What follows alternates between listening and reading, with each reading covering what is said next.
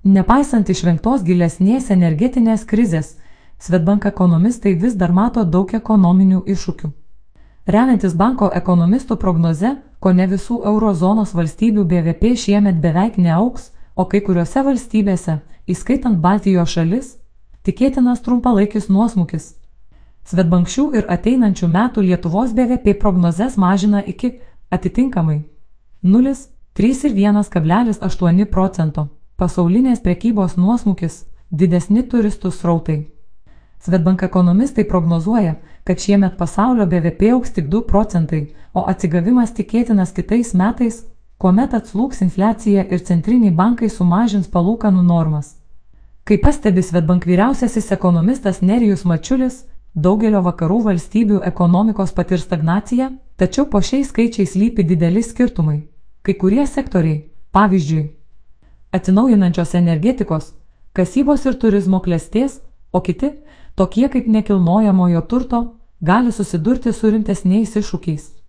Dėl šiltos žiemos ir padidėjusio suskystintų gamtinių dujų pasiūlos Europai pavyko išvengti juodžiausių vartojimo ribojimo scenarijų, kurie buvo piešiami praėjusią vasarą. Vis tik išlieka keli veiksniai, kurie neleidžia prognozuoti ekonomikos pavasario.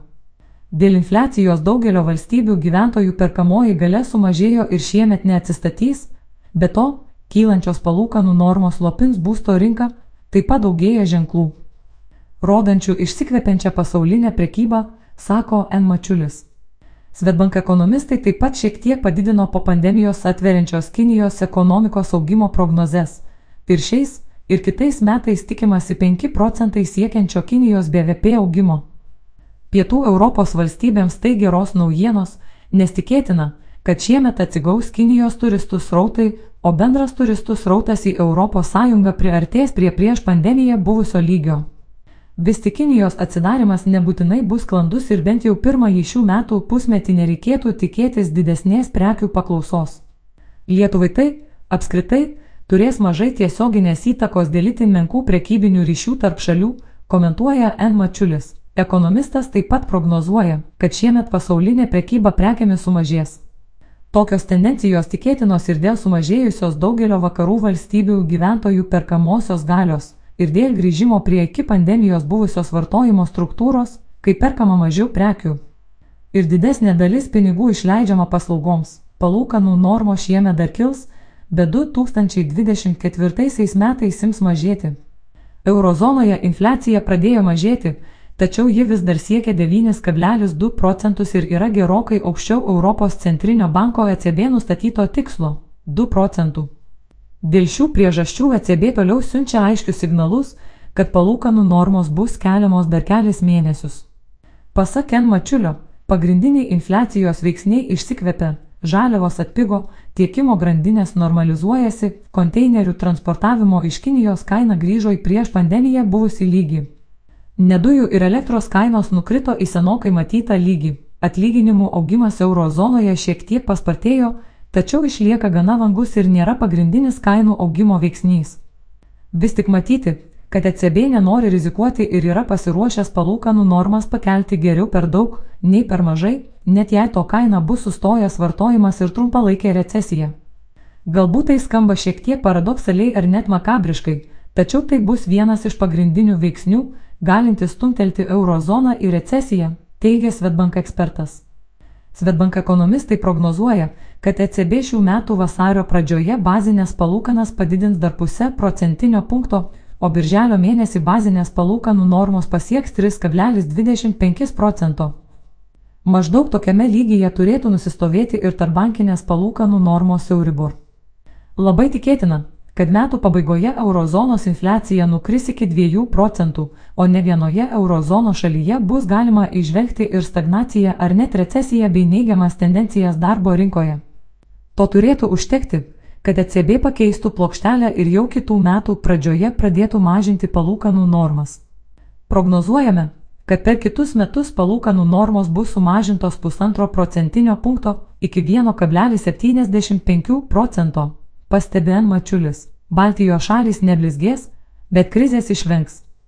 Remiantis Svetbank ekonomistų prognozėmis, šiemet Estijos BVP išliks nepasikeitęs, Latvijos BVP sumažės 0,9, o Lietuvos 0,3 procentus, tačiau šis nuosmukis turėtų būti trumpalaikis.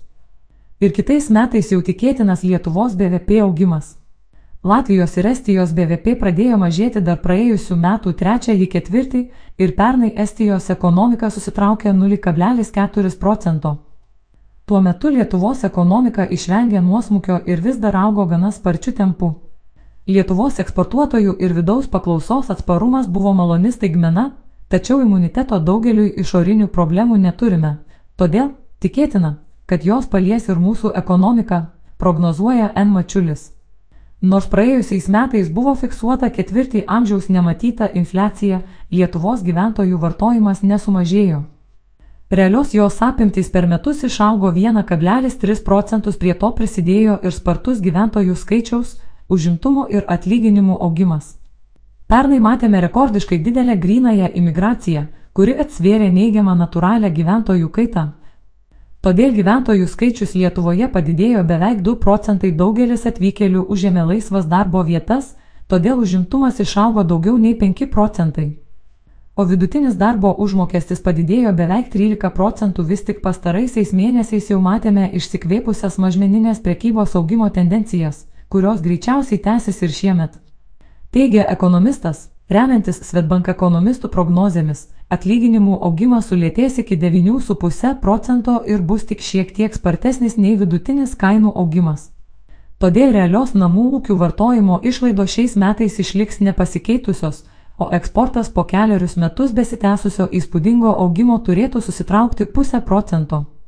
Silpnėjanti paklausa kaimininėse šalyse Didžiosiose eurozonos rinkose ir šiaurės šalyje jau atsispindi mažėjančiuose pramonės įmonių eksporto užsakymuose, kurie nukrito į žemiausią lygį per pastaruosius trejus metus. Kol kas plataus masto problemų dar nematyti, tačiau kai kuriuose sektoriuose tikėtinas ne tik eksporto apimčių, bet ir užimtumo mažėjimas. Vis tik tokių ekonomikos tendencijų negalime vadinti krize, tai tik po ilgo klėstėjimo ar net perkaitimo ateinantis atvesimas apibendrina Svetbank vyriausiasis ekonomistas Sen Mačiulis.